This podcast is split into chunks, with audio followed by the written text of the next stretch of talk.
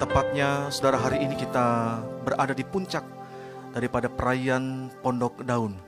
Kita berdoa bersama-sama biarlah Tuhan berkenan untuk berjalan bersama-sama dengan kita di sepanjang daripada tahun yang baru ini dan Tuhan janji maka Tuhan akan menurunkan hujan bagi setiap kita. Amin. Nah, mari sama-sama kita bangkit berdiri. Kita siapkan hati kita. Saya percaya izinkan Tuhan berkarya dalam kehidupan kita. Mari kita satukan hati kita. Kita berdoa. Tuhan kami bersyukur untuk hari yang kau jadikan bagi setiap kami. Hari di mana kami boleh melihat bukti kebesaran-Mu, bukti kebaikan-Mu dalam kehidupan kami. Kami berterima kasih Tuhan untuk perayaan-perayaan yang Tuhan berikan bagi setiap kami. Mulai dari perayaan Ros Hasana, perayaan Yom Kippur, bahkan tepatnya hari ini kami boleh berada di puncak perayaan daripada Pondok Daun. Kami bersyukur untuk kebaikan Tuhan, untuk pertolongan Tuhan yang ajaib. Oh Rabatakan Naralabasandaralabatakan Malam ini kami kembali datang untuk membawa korban api-apian kami di hadapan-Mu ya Tuhan. Dengan hati yang bersyukur, dengan hati yang penuh dengan pujian kepada Tuhan. Kami bersama-sama datang kepada Tuhan. Kami buka hati kami, merendahkan hati kami di hadapan-Mu ya Aba. Uralabataka naralabasandaralabataka naralabasandaralabalalabalala. Oh ramaka sondorabaka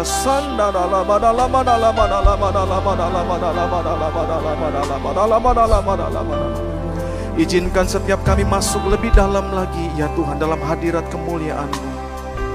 Kami boleh membawa sesuatu yang terbaik di hadapan tata kudus-Mu ya Tuhan. Sehingga malam ini Engkau berkenan untuk ditemui oleh setiap umat-Mu Tuhan. Oh rabatakana kami berdoa sekali lagi biar rohmu membanjiri setiap kami. Sebab kami datang dengan hati yang haus. Dengan hati yang rindu kepadamu. Oh Biarlah ya Tuhan dari dalam hati kami mengalir aliran-aliran air kehidupan. Yang akan memuaskan, yang akan menyegarkan setiap kami malam ini, yang akan menyembuhkan, yang akan memulihkan umatmu. Abba dan Tuhan engkau berkenan untuk menurunkan hujan. Hujan awal hujan akhir. Sehingga malam ini kan boleh mengumpulkan gandum anggur minyak yang berlimpah-limpah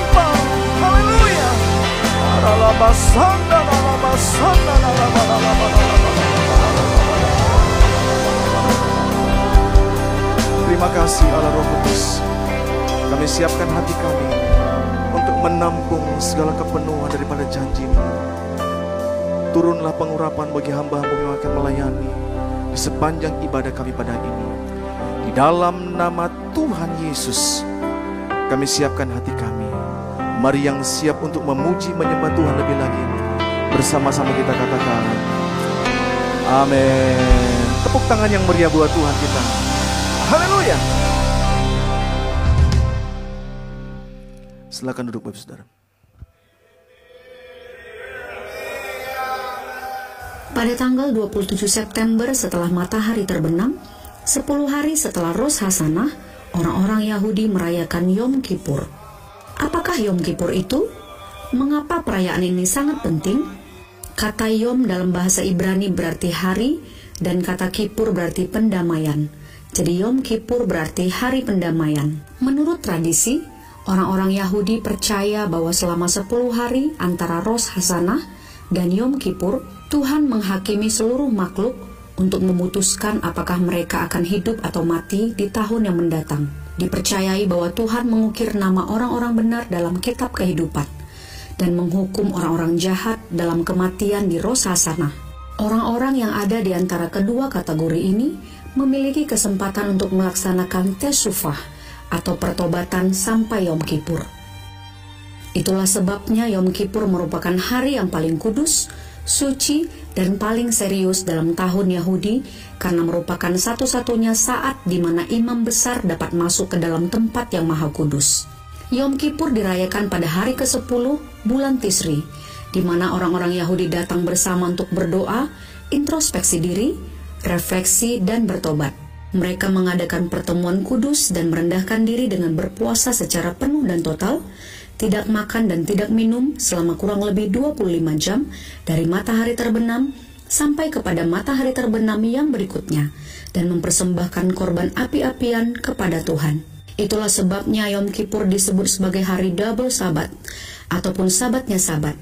Pada hari Yom Kippur, orang-orang Yahudi tidak melakukan suatu pekerjaan apa pun di mana mereka mengadakan pendamaian di hadapan Tuhan. Setahun sekali pada hari raya Yom Kippur, Imam Besar Agung masuk ke dalam ruang Maha Kudus, mempersembahkan korban, dan membawa doa-doa orang kudus di hadapan Tuhan. Setelah Tuhan menerima doa mereka, imam besar akan keluar dari ruang maha kudus menuju pelataran dan melepaskan berkat kepada bangsa Israel, yang bukan hanya untuk satu minggu, tetapi adalah berkat bangsa untuk satu tahun. Di dalam perjanjian baru, Yesus Kristus menjadi domba Allah yang dikorbankan dan imam besar agung yang telah membuka jalan yang baru dan hidup bagi kita. Oleh darah Kristus, kita semua dapat masuk ke dalam tempat kudus dengan penuh keberanian. Darahnya menjadi korban penghapus dosa yang sempurna yang tidak perlu diulang setiap tahun. Darah Kristus dicurahkan bukan untuk menutupi, tetapi untuk menghapus dosa banyak orang, sekali untuk selamanya, dan untuk menganugerahkan keselamatan kepada mereka yang menantikan Dia. Setelah Yom Kippur, perayaan terakhir dari tujuh perayaan yang telah ditetapkan Tuhan atau Mudim dalam bahasa Ibrani atau Appointed Times of the Lord adalah Sukkot, yang disebut dengan perayaan Pondok Daun ataupun Feast of Tabernacle. Sukkot yang berarti pondok dirayakan dari tanggal 15 sampai dengan 22 Tisri menurut kalender Ibrani. Sukkot dirayakan untuk memperingati masa pengembaraan bangsa Israel di padang gurun, di mana Tuhan Allah menyertai, menuntun dengan tiang api dan tiang awan, serta membuat mereka tinggal di kubuk atau pondok selama 40 tahun ketika membawa mereka keluar dari Mesir. Orang-orang Yahudi menghiasi pondok-pondok dengan pelepah-pelepah pohon kurma, ranting-ranting dari pohon-pohon yang rimbun, dan dari pohon-pohon ganda rusa. Selama tujuh hari perayaan, orang-orang Yahudi makan bersama di dalam pondok. Setelah memasuki tanah perjanjian, Sukot dihubungkan dengan musim penuaian yang dikenal sebagai Feast of Ingathering atau hari raya pengumpulan hasil tuayan pada akhir tahun. Perayaan Sukot juga melambangkan waktu persekutuan bersama dengan Tuhan. Pada hari pertama dan kedelapan perayaan Sukot adalah perhentian penuh di mana umat Israel berkumpul dalam pertemuan kudus dan tidak boleh melakukan pekerjaan yang berat. Pada perayaan Sukot, umat Israel harus bersukaria dan mengadakan perayaan bagi Tuhan selama tujuh hari lamanya. Apa signifikan perayaan Sukot bagi orang-orang percaya dan tujuan Tuhan di balik perayaan yang penting ini?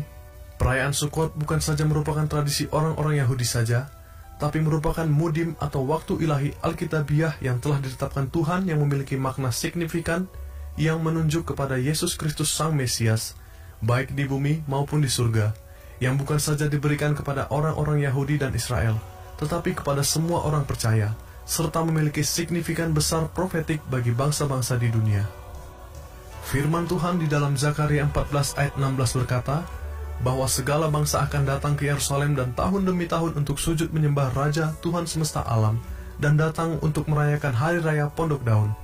Jika mereka dari segala kaum di bumi tidak datang ke Yerusalem untuk sujud menyembah kepada Raja Tuhan semesta alam, maka kepada mereka tidak akan turun hujan. Perayaan Sukot juga berbicara tentang kedatangan hari Tuhan, harapan bahwa Tuhan Yesus akan datang kembali untuk kedua kalinya untuk memerintah di antara kita. Sukot mengingatkan bahwa kita sebagai pendatang di bumi memiliki keluargaan di surga dan tidak boleh berpaut pada perkara duniawi dan hal-hal di bumi. Hidup kita adalah sementara di bumi, sama seperti bangsa Israel berpindah-pindah ketika Tuhan menuntun bangsa Israel dengan tiang api dan tiang awan. Demikian juga kita ikut bergerak saat Tuhan menuntun dan memimpin untuk tetap berada dalam rencana dan kehendaknya. Di Sukot Feast of Ingathering, Berkat Tuhan melimpah dan dia akan mengumpulkan orang-orang ataupun keluarga yang tersesat dan membawa mereka kembali. Sukot juga mengingatkan bahwa kita harus mencari dahulu kerajaan Allah dan kebenarannya, maka semuanya akan ditambahkan kepada kita. Perkara dunia adalah sementara, segala masalah dan persoalan juga adalah sementara. Semuanya akan berlalu, tetapi janji Tuhan adalah kekal untuk selamanya.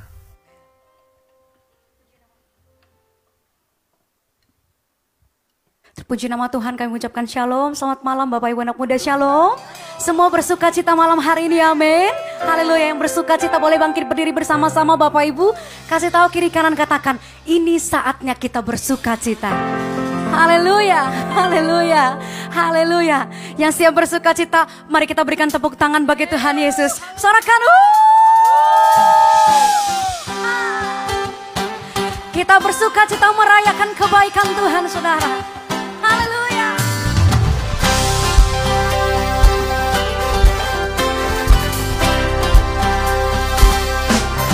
Tuhan baik, kawasannya untuk selama-lamanya. Kasih dan setiamu berlimpah bagi kami Tuhan.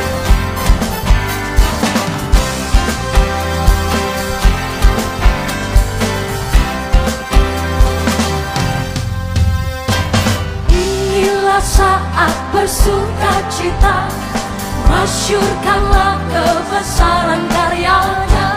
Ini saat, ini waktunya. Keselamatan telah datang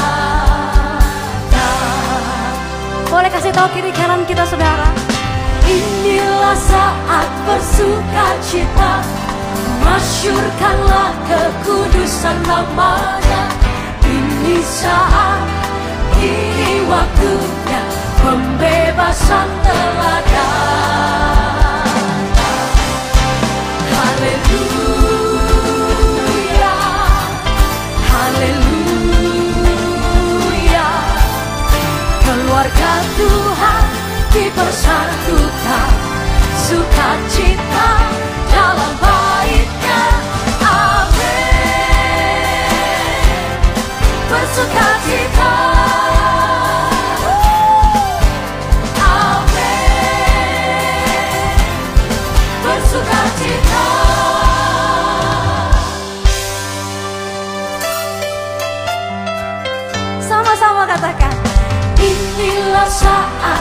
saat bersuka cita Masyurkanlah kebesaran karyanya.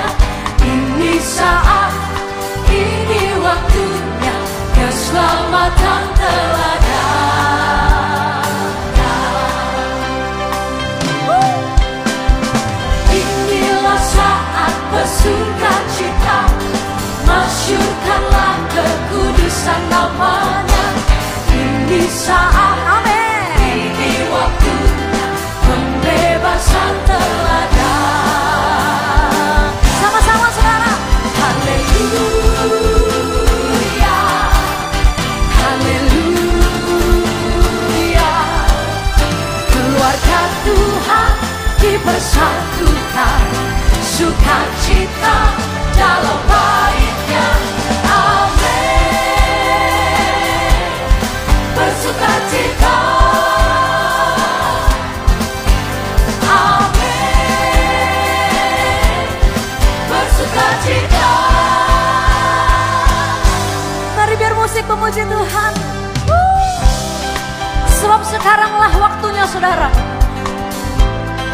Pemulihan terjadi atas bangsa ini.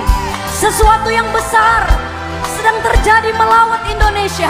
Yang percaya katakan amin. Sama-sama lambaikan tangan dulu Haleluya.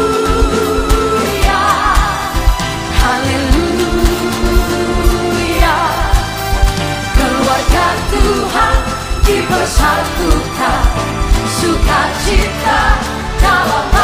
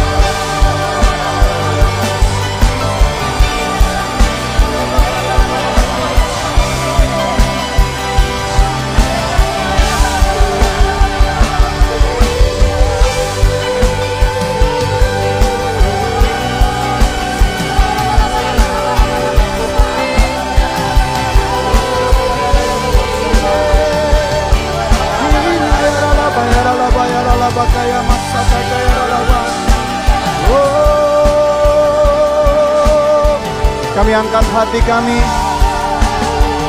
jiwa kami di hadapanmu Tuhan.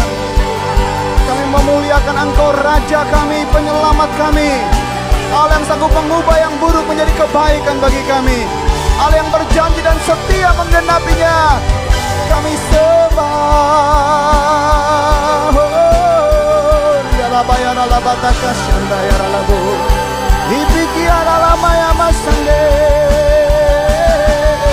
ya ya ya. Ora bakata karaba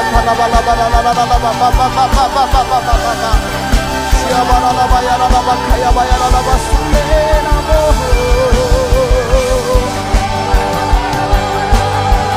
Berkenanlah Tuhan menarik kami lebih dekat lagi Tuhan. Kami boleh tinggal dalam dekapan kasih-Mu, menikmati kasih setiap Tuhan yang agung dan ajaib. Haleluya, haleluya.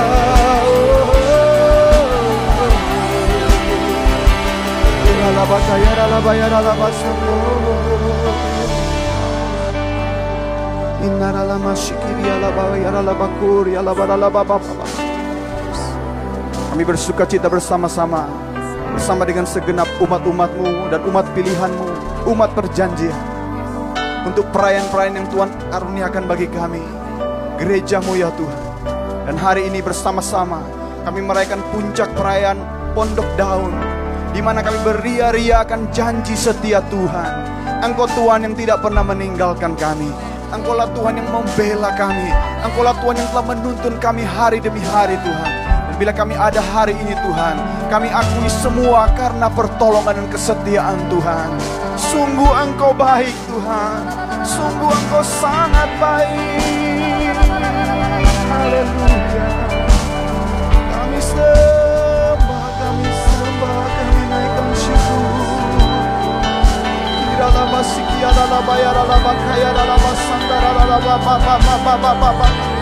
Engkau yang mengampuni pelanggaran-pelanggaran kami, melemparkannya sejauh timur dari barat.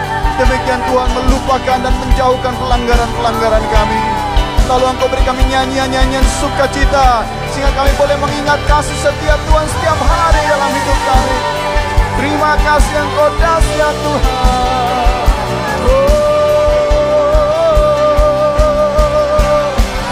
Kami percaya sukacita kami.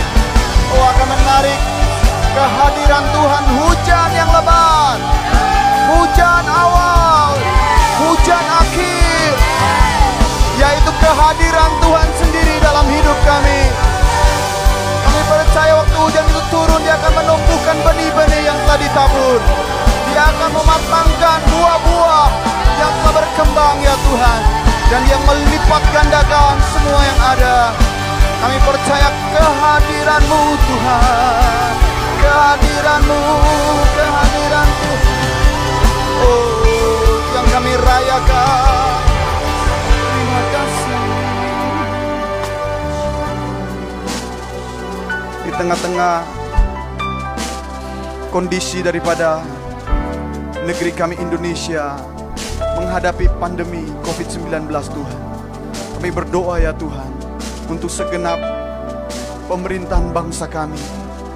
Bapak berkenanlah ya Tuhan mencurahkan hikmat-Mu ya yang berlimpah-limpah. Kami berdoa untuk Bapak Presiden kami Sir Joko Widodo, Bapak Ma'ruf Amin sebagai Wakil Presiden Tuhan. Para Menteri Kabinet yang ada dan seluruh tim-tim tugas khusus untuk penanganan COVID-19, untuk penanganan akibat daripada COVID-19 khususnya bidang ekonomi Tuhan. Kami berdoa Tuhan berkenan mencurahkan hikmat yang berlimpah-limpah untuk boleh menemukan jalan-jalan yang terbaik yang harus dipilih oleh pemerintah bangsa kami. Kami berdoa untuk tim ekonomi Tuhan. Tuhan memberkati, berikan kesatuan, berikan keberanian untuk melangkah ya Tuhan. Dan sertai hamba-hambamu ya Tuhan. Berkati Tuhan usaha daripada hamba-hambamu. Membawa negeri kami boleh melewati masa-masa yang sukar dan keluar sebagai pemenang. Tuhan kami berdoa untuk persiapan memasuki pemilihan kepala daerah bulan Desember yang akan datang Tuhan. Begitu banyak kota dan kabupaten dan provinsi yang akan mengadakan pilkada. Kami berdoa biar tangan kemurahan Tuhan, Oh Tuhan dicurahkan terulur bagi kota demi kota, kabupaten demi kabupaten. Juga untuk provinsi-provinsi ya Tuhan. Kami mohon ya Tuhan. Ketenangan dalam nama Yesus. Kami melepaskan shalom bagi Sabang hingga Merauke. Shalom, shalom. Damai dan sejahtera turun bagi negeri kami. Terima kasih Tuhan. Kami berdoa untuk semua yang terlibat dalam kontestasi pilkada ini Tuhan. Kami memohonkan ya Tuhan. Tuhan yang mengangkat orang-orang terbaik ya Tuhan. Melalui kampanye-kampanye yang ada Tuhan. Sosialisasi-sosialisasi yang ada Tuhan. Biar muncul figur-figur terbaik ya Tuhan. Yang akan dipilih Engkau yang meletakkan pemimpin-pemimpin di hati kami masyarakat Indonesia. Kami akan memilih Tuhan. Kami berdoa Tuhan di tanggal hari pelaksanaan Tuhan. Tuhan memberikan keberanian bagi setiap umat-umatmu untuk menentukan pilihan masing-masing. Keberanian untuk datang ke TPS-TPS ya Tuhan. Dan kami boleh menentukan pilihan kami di dalam kasih karunia Tuhan. Kami mohonkan berkat Tuhan bagi Tentara Nasional Indonesia. Kami berdoa mohon berkat Tuhan bagi Kepolisian Republik Indonesia. Tuhan berkati hamba-hamba untuk menjaga keutuhan negeri kami. Terima kasih Tuhan. Oh, rapa kata karaba sakaya ralaba. Hingga ralaba sikia ralaba ba ba ba ba ba Kau menjadikan mereka alat di tangan Tuhan yang menghancurkan kejahatan-kejahatan, yang menghancurkan ketidakadilan, yang menghancurkan hal-hal yang tidak benar ya Tuhan. Terima kasih Tuhan. Dan biarlah terang Tuhan menyinari seluruh proses demokrasi ini Tuhan. Sehingga negeri kami akan mengalami kemajuan yang lebih baik lagi Tuhan. Di tahapan pilkada 2020 ini. Tuhan terima kasih. Kami percaya Tuhan mencintai bangsa kami. Kami berdoa Tuhan biar hujan yaitu kehadiran Tuhan juga berkenan melawat generasi muda kami Tuhan. Kami sadar Tuhan ketika Covid menghantam negeri kami. Tuhan ada solusi-solusi yang baru yang Tuhan beri. Yang Tuhan taruh dalam hati daripada next gen kami Tuhan. Karena itu bangkitkan generasi yang baru ini Tuhan. Kami berdoa untuk kebangkitan generasi baru di gerejamu ya Tuhan. Oh rabaka siki arabaka ya santa. Oh rataka baba. Kami berdoa untuk anak-anak kami bukankah Tuhan berjanji anak-anak akan bangkit untuk bernubuat ya Tuhan. Teruna-teruna akan mendapat penglihatan-penglihatan. Oh anak-anak muda akan menyerahkan hidup mereka menjadi saksi-saksi Tuhan yang luar biasa. Kami berdoa biar kebangkitan rohani ini terjadi karena hujan, karena hujan, karena hujan yang lebat. Oh,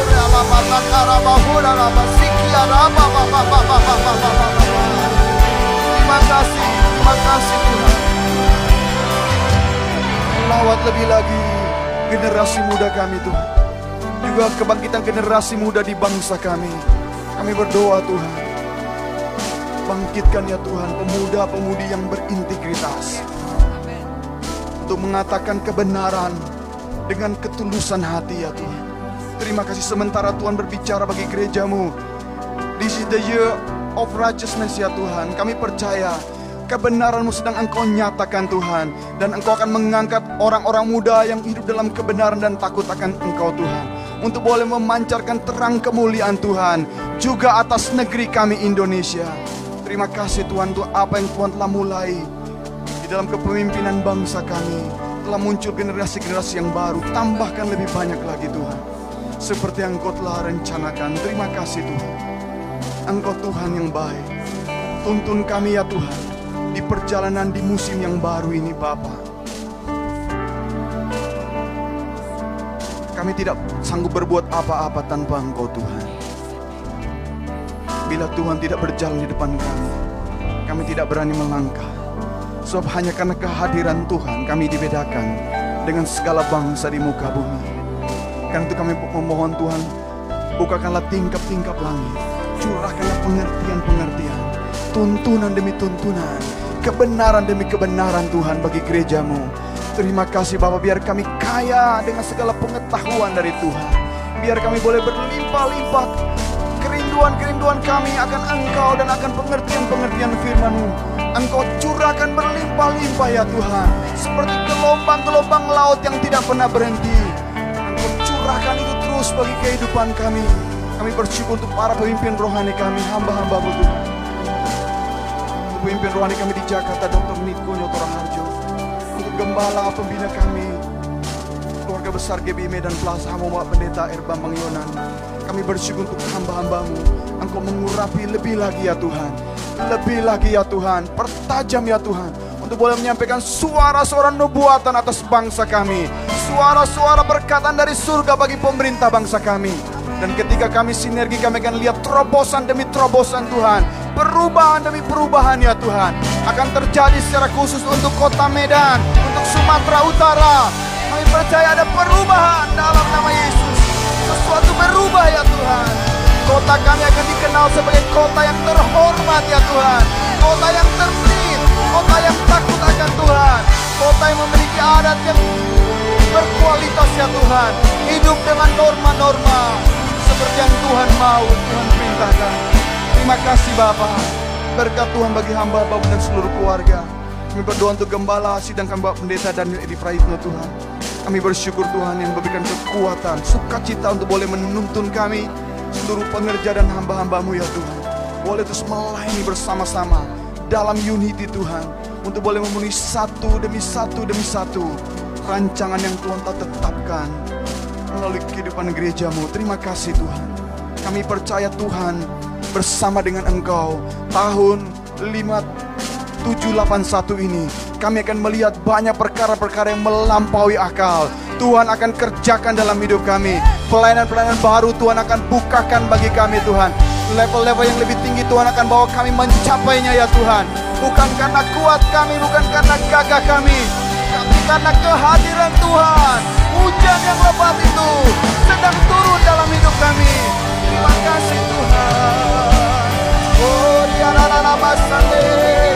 Kami berdoa untuk tua yang jiwa-jiwa, tua yang jiwa-jiwa. Hujan yang lebat, pernyataan kehadiran Tuhan. Oh Tuhan nyatakan bagi jiwa-jiwa yang sedang berseru kepadamu, yang sedang dalam ketakutan ya Tuhan. Kami berdoa ketika mereka berseru, Tuhan menyatakan kasih karunia. Seperti Tuhan menyatakan kepada Saulus, Tuhan juga nyatakan bagi penentang-penentang Tuhan. Dalam nama Yesus, dalam nama Yesus. Oh terobosan yang baru terjadi, terjadi. Karena hujan yang lebat sedang turun. Terima kasih Tuhan. Kami bersyukur, kami bersyukur.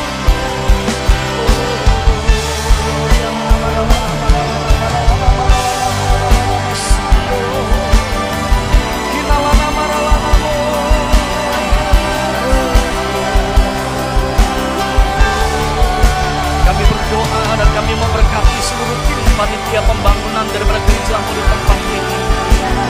Saat ini di mana pun hambamu berada, kami mohonkan berkatmu ya Tuhan.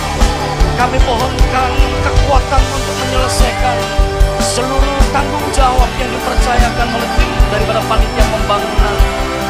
Kami berdoa untuk ketua-ketua departemen. Kami berdoa untuk seluruh departemen-departemen daripada pelayanan gereja di tempat ini. Hujanmu ya Tuhan. Hujan, hujan, hujan yang membawa pemulihan. Hujan yang membawa berkat. Oh, Dan saat ini kami berdoa untuk seluruh umatmu yang mengikuti pertemuan doa malam ini. Kami berdoa saat ini curahkan ya Tuhan. Curahkan hujan.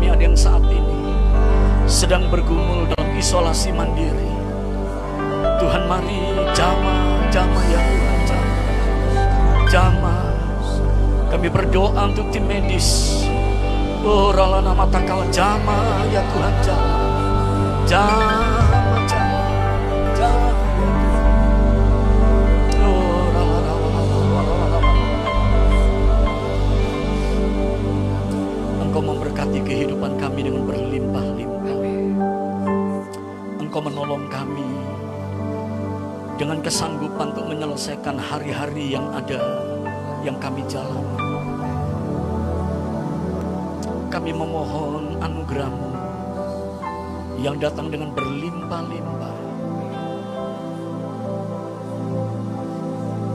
Sehingga di tengah-tengah goncangan yang saat ini sedang terjadi di dunia ini. Kami boleh melihat jalan keluar yang Tuhan berikan untuk kami. Kekuatan untuk kami boleh mengumpulkan minyak, gandum dan anggur dengan berlimpah-limpah. Kekuatan untuk kami boleh menikmati segala berkat dan anugerah yang Tuhan sediakan. Terima kasih ya Tuhan, terima kasih. Dan malam ini mari tuntun kami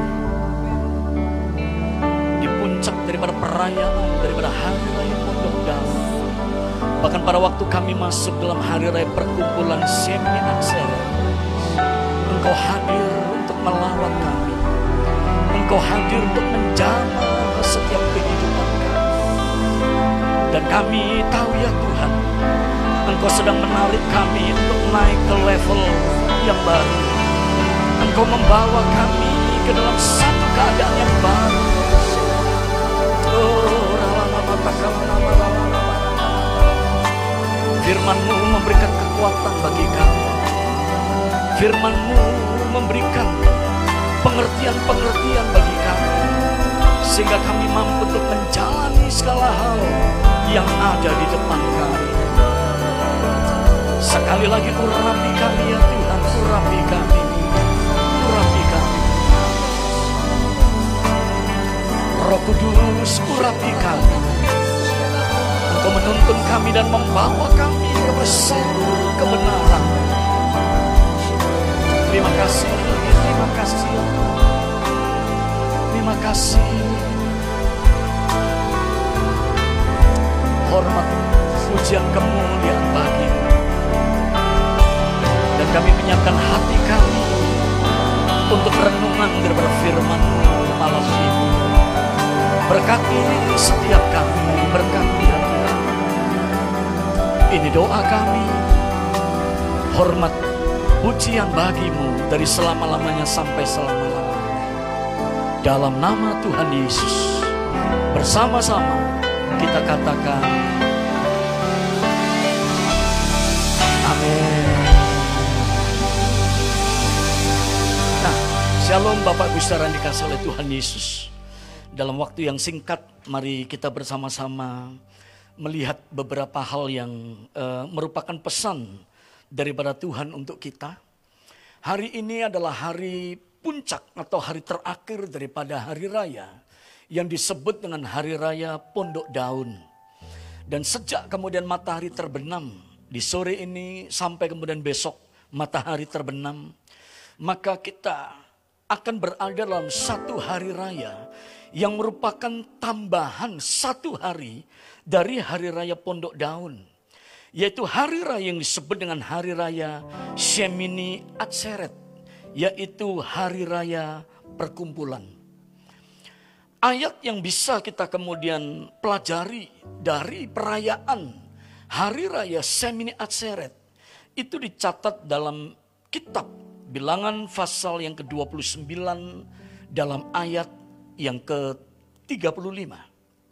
Shemini Atseret atau hari perkumpulan ini merupakan waktu dan saat yang penting. Karena Shemini Atseret ini adalah waktu di mana Tuhan ingin kemudian menambah satu hari untuk tinggal, untuk menikmati kehidupan bersama-sama dengan orang-orang yang kemudian mencintai dan mengasihi dia. Perayaan daripada Hari Sukot dan Semini Atsaret ini secara profetik itu berbicara tentang Tuhan ini berdiam dengan umatnya atau dimulainya kerajaan seribu tahun dan kita akan menikmati waktu ini pada masa-masa di mana seribu tahun damai ini kemudian akan terjadi.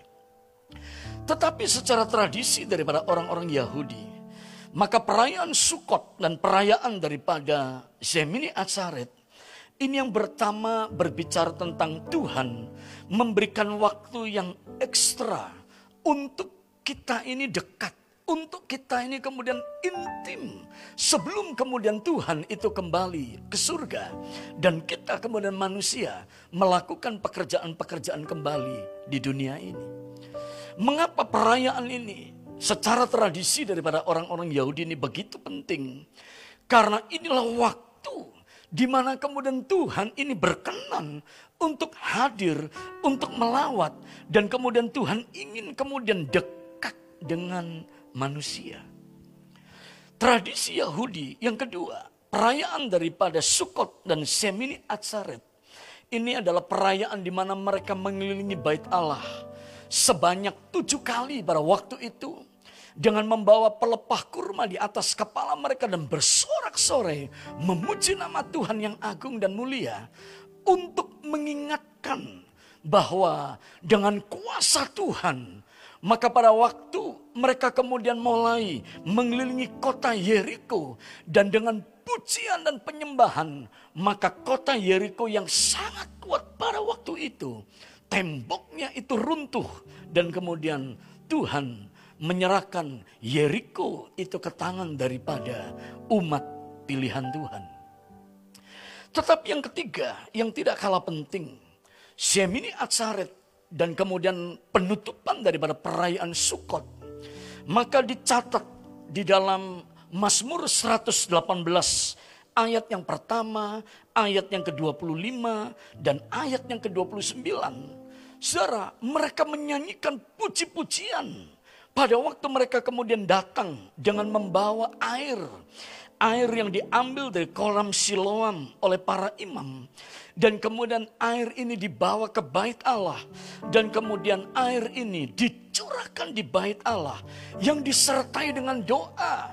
Yaitu doa mereka berkumpul untuk memohon supaya hujan yang berbicara tentang Allah sendiri, hujan yang berbicara tentang berkat, hujan yang berbicara tentang pertolongan, hujan yang berbicara tentang pemulihan. Ini datang, ini hadir, dan ini turun di dalam kehidupan mereka. Orang-orang Yahudi secara tradisi mereka tahu bahwa hujan ini sangat penting bagi kehidupan mereka. Sehingga pada waktu mereka hadir dalam perayaan, yaitu perayaan Semini Atsaret. Pada waktu mereka kemudian mulai mencurahkan air itu ke bait Allah. Maka dicatat dalam Mazmur 118 ayat yang ke-29. Ada nyanyian, ada pujian yang kemudian mengalir, yang mereka kemudian nyanyikan. Ayat yang ke-29 menuliskan demikian. Bersyukurlah kepada Tuhan sebab ia baik. Bahwasanya untuk selama-lamanya kasih setianya. Katakan amin. Mari Anda yang berada di rumah, Anda bisa mengucap syukur. Dan mari bersama-sama nyanyikan pujian ini. Sebab Tuhan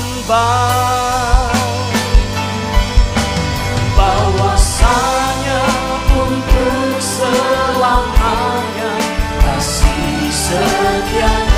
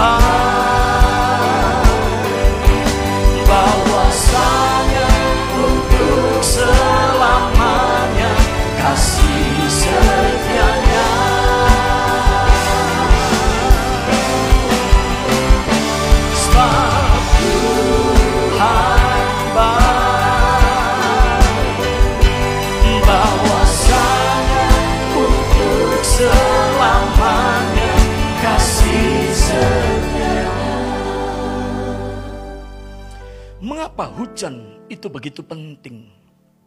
Dalam Mazmur 68 ayat yang ke-9, hujan ini akan memberikan kesegaran. Bergoncanglah bumi bahkan langit mencurahkan hujan di hadapan Allah. Sinai bergoyang di hadapan Allah, yaitu Allah Israel. Dalam Yakobus pasal yang kelima, ayat yang ke-18. Hujan ini diadakan, hujan ini diberikan supaya hujan atau tanah ini kemudian menghasilkan buah. Yakobus 5 ayat yang ke-18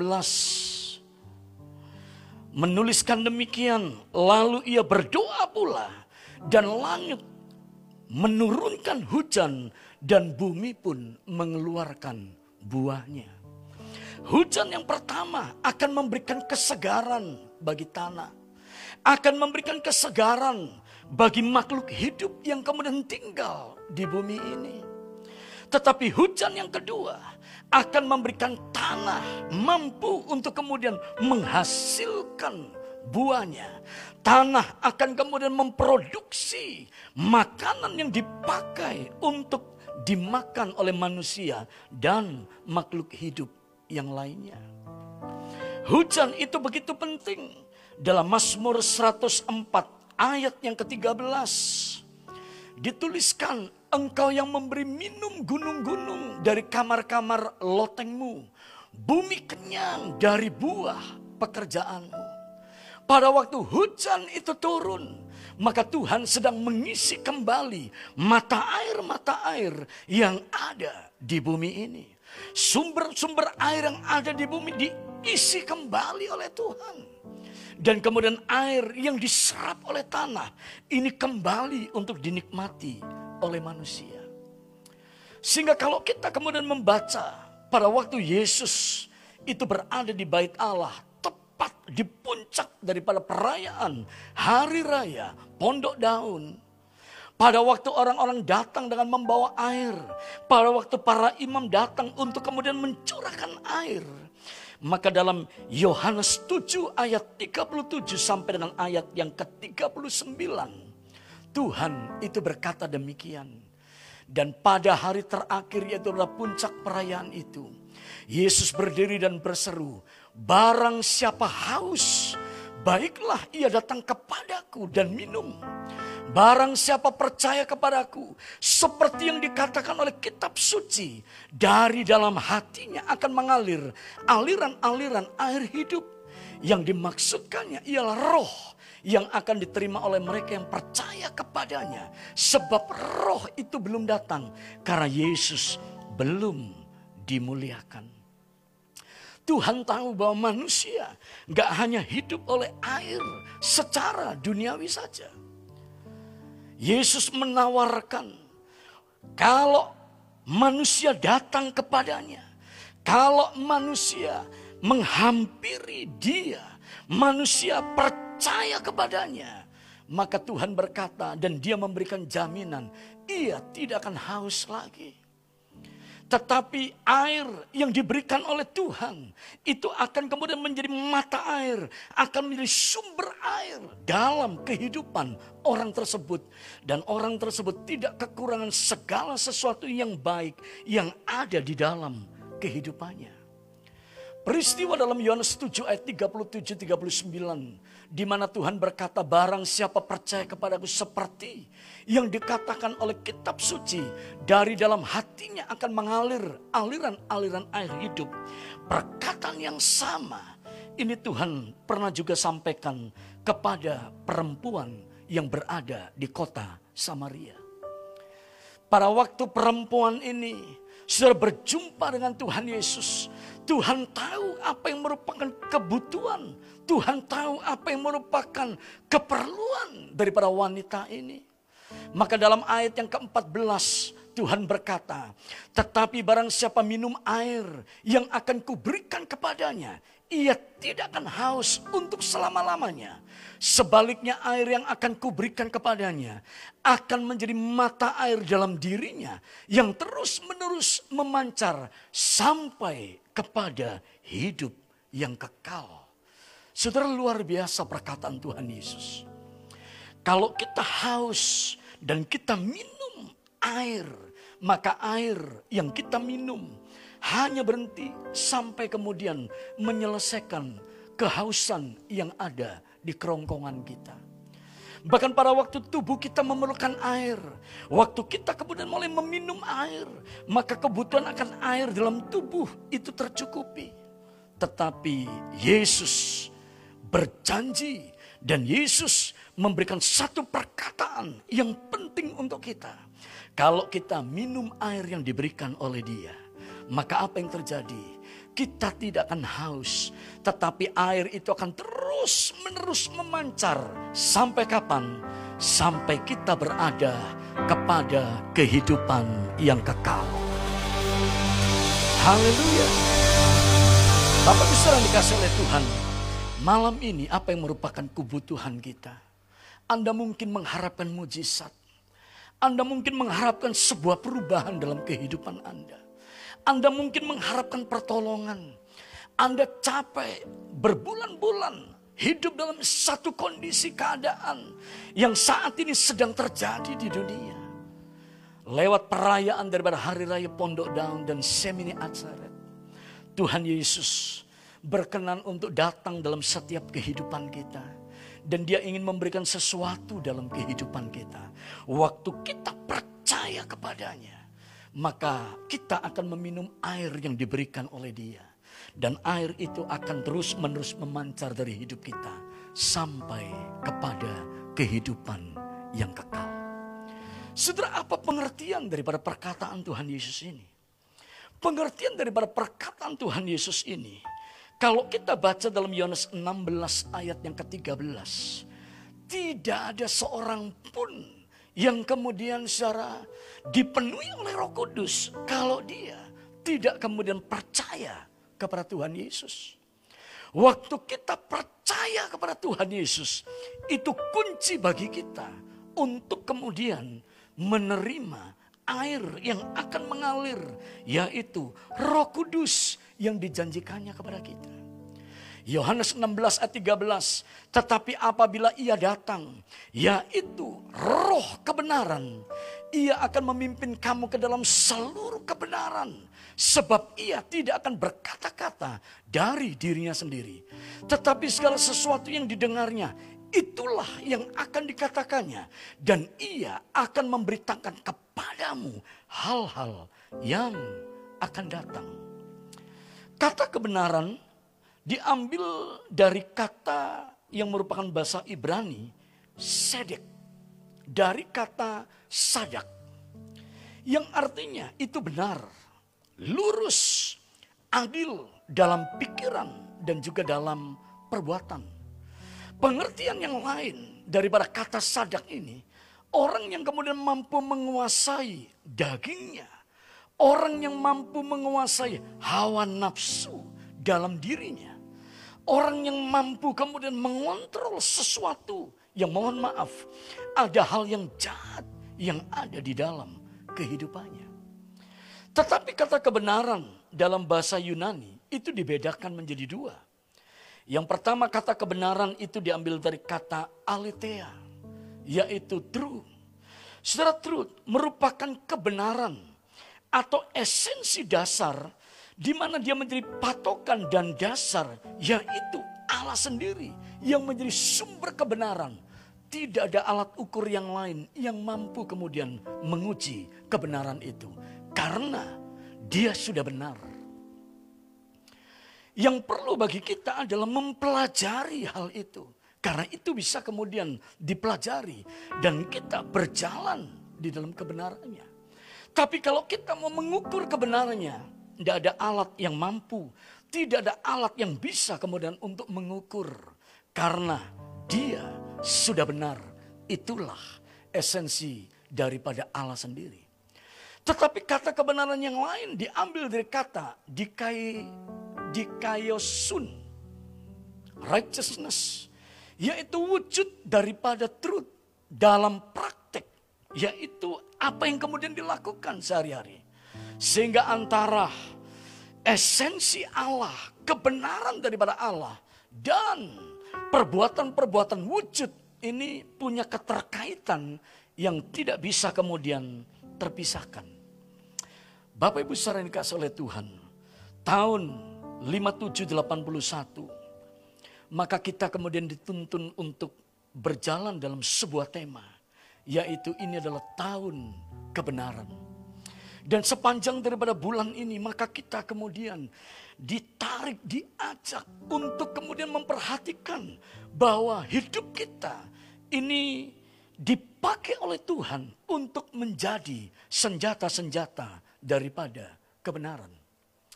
Ada satu perkataan yang luar biasa dan saya akan tutup secara di sini. Perkataan ini menyebutkan demikian. Kita mencari-cari kebenaran ini dari Douglas Groothuis. Dari buku yang dia tulis Pudarnya Kebenaran. Kita mencari-cari kebenaran, namun kita takut terhadapnya. Di satu sisi kita ingin mengejar kebenaran ke mana pun kebenaran membawa kita. Tapi di sisi yang lain kita melawan ketika kebenaran itu mulai membawa kita ke tempat yang tidak kita inginkan. Bapak Ibu sering dikasih oleh Tuhan.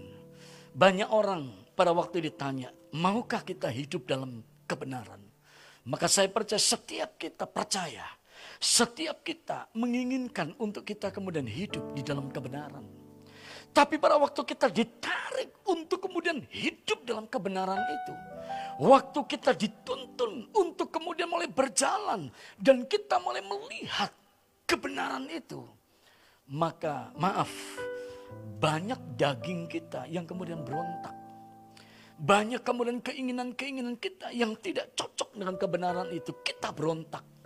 Bahkan ada orang-orang tertentu yang menjadikan keinginannya, yang menjadikan apa yang ada dalam hatinya, itu adalah sebuah kebenaran. Bapak Ibu saudara kasih Tuhan, kalau kita kemudian rindu untuk berjalan dalam kebenaran, tidak ada hal yang lain Jalan untuk kita berada dalam kebenaran. Waktu kita kemudian dekat dengan Tuhan. Dan pada waktu kita dipenuhi oleh roh kudus. Karena roh kudus akan membawa kita. Roh kudus akan menuntun kita dari kebenaran kepada kebenaran yang lainnya. Katakan amin. Roma pasal 6 ayat yang ke-13 yang merupakan tema yang kemudian kita perlu untuk pelajari. Dan janganlah kamu menyerahkan anggota-anggota tubuhmu kepada dosa untuk dipakai sebagai senjata kelaliman. Tetapi serahkanlah dirimu kepada Allah sebagai orang-orang yang dahulu mati, tetapi yang sekarang hidup. Dan serahkanlah anggota-anggota tubuhmu kepada Allah untuk menjadi senjata-senjata kebenaran. Hari ini saya percaya kita rindu untuk berjalan dalam seluruh kebenaran. Kadang maaf, keinginan kita, daging kita, kadang kita juga kemudian lihat siapa yang kemudian bertemu dengan kita. Sehingga kita kemudian mulai bergeser daripada kebenaran. Di tengah-tengah waktu kita kemudian menyelesaikan puasa kita dan di tengah-tengah waktu kita merayakan perayaan daripada pencurahan, yaitu di mana Roh Kudus dijanjikan oleh Tuhan untuk kita, di mana kita menikmati perayaan daripada Semini Atsaret, kita berkumpul supaya kita kita juga berdoa untuk hujan itu turun. Biarlah kebenaran ini menjadi nyata dalam kehidupan kita. Mari bersama-sama kita tundukkan kepala. Anda yang berada di rumah, tundukkan kepala.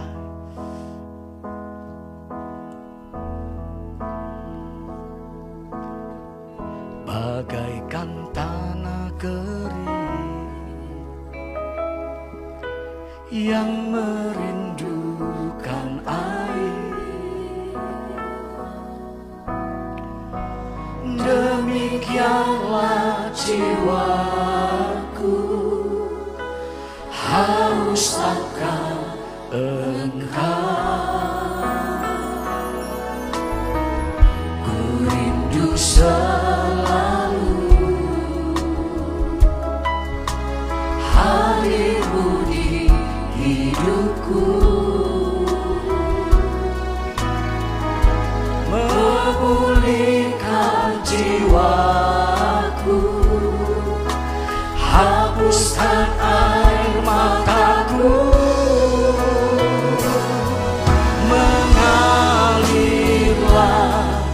Sorrow.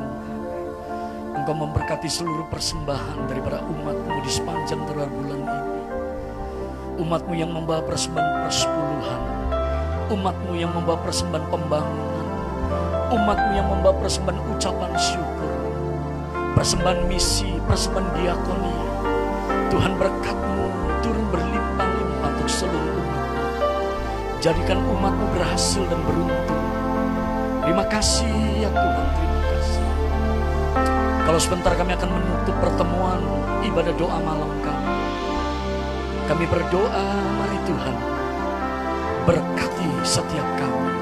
Mari buka kedua tangan kita. Bapak Ibu saudara yang dikasih oleh Tuhan Yesus. Kiranya berkat damai sejahtera daripada Allah Bapa, cinta kasih yang sempurna di dalam Tuhan Yesus, serta persekutuan yang manis daripada Roh Kudus akan menyertai perjalanan kehidupan daripada Bapak Ibu Saudara dari saat ini sampai selama-lamanya. Yang percaya diberkati bersama-sama kita katakan Amin. Selamat menikmati hujan, yaitu hujan yang membawa pemulihan dalam kehidupan kita. Tuhan memberkati.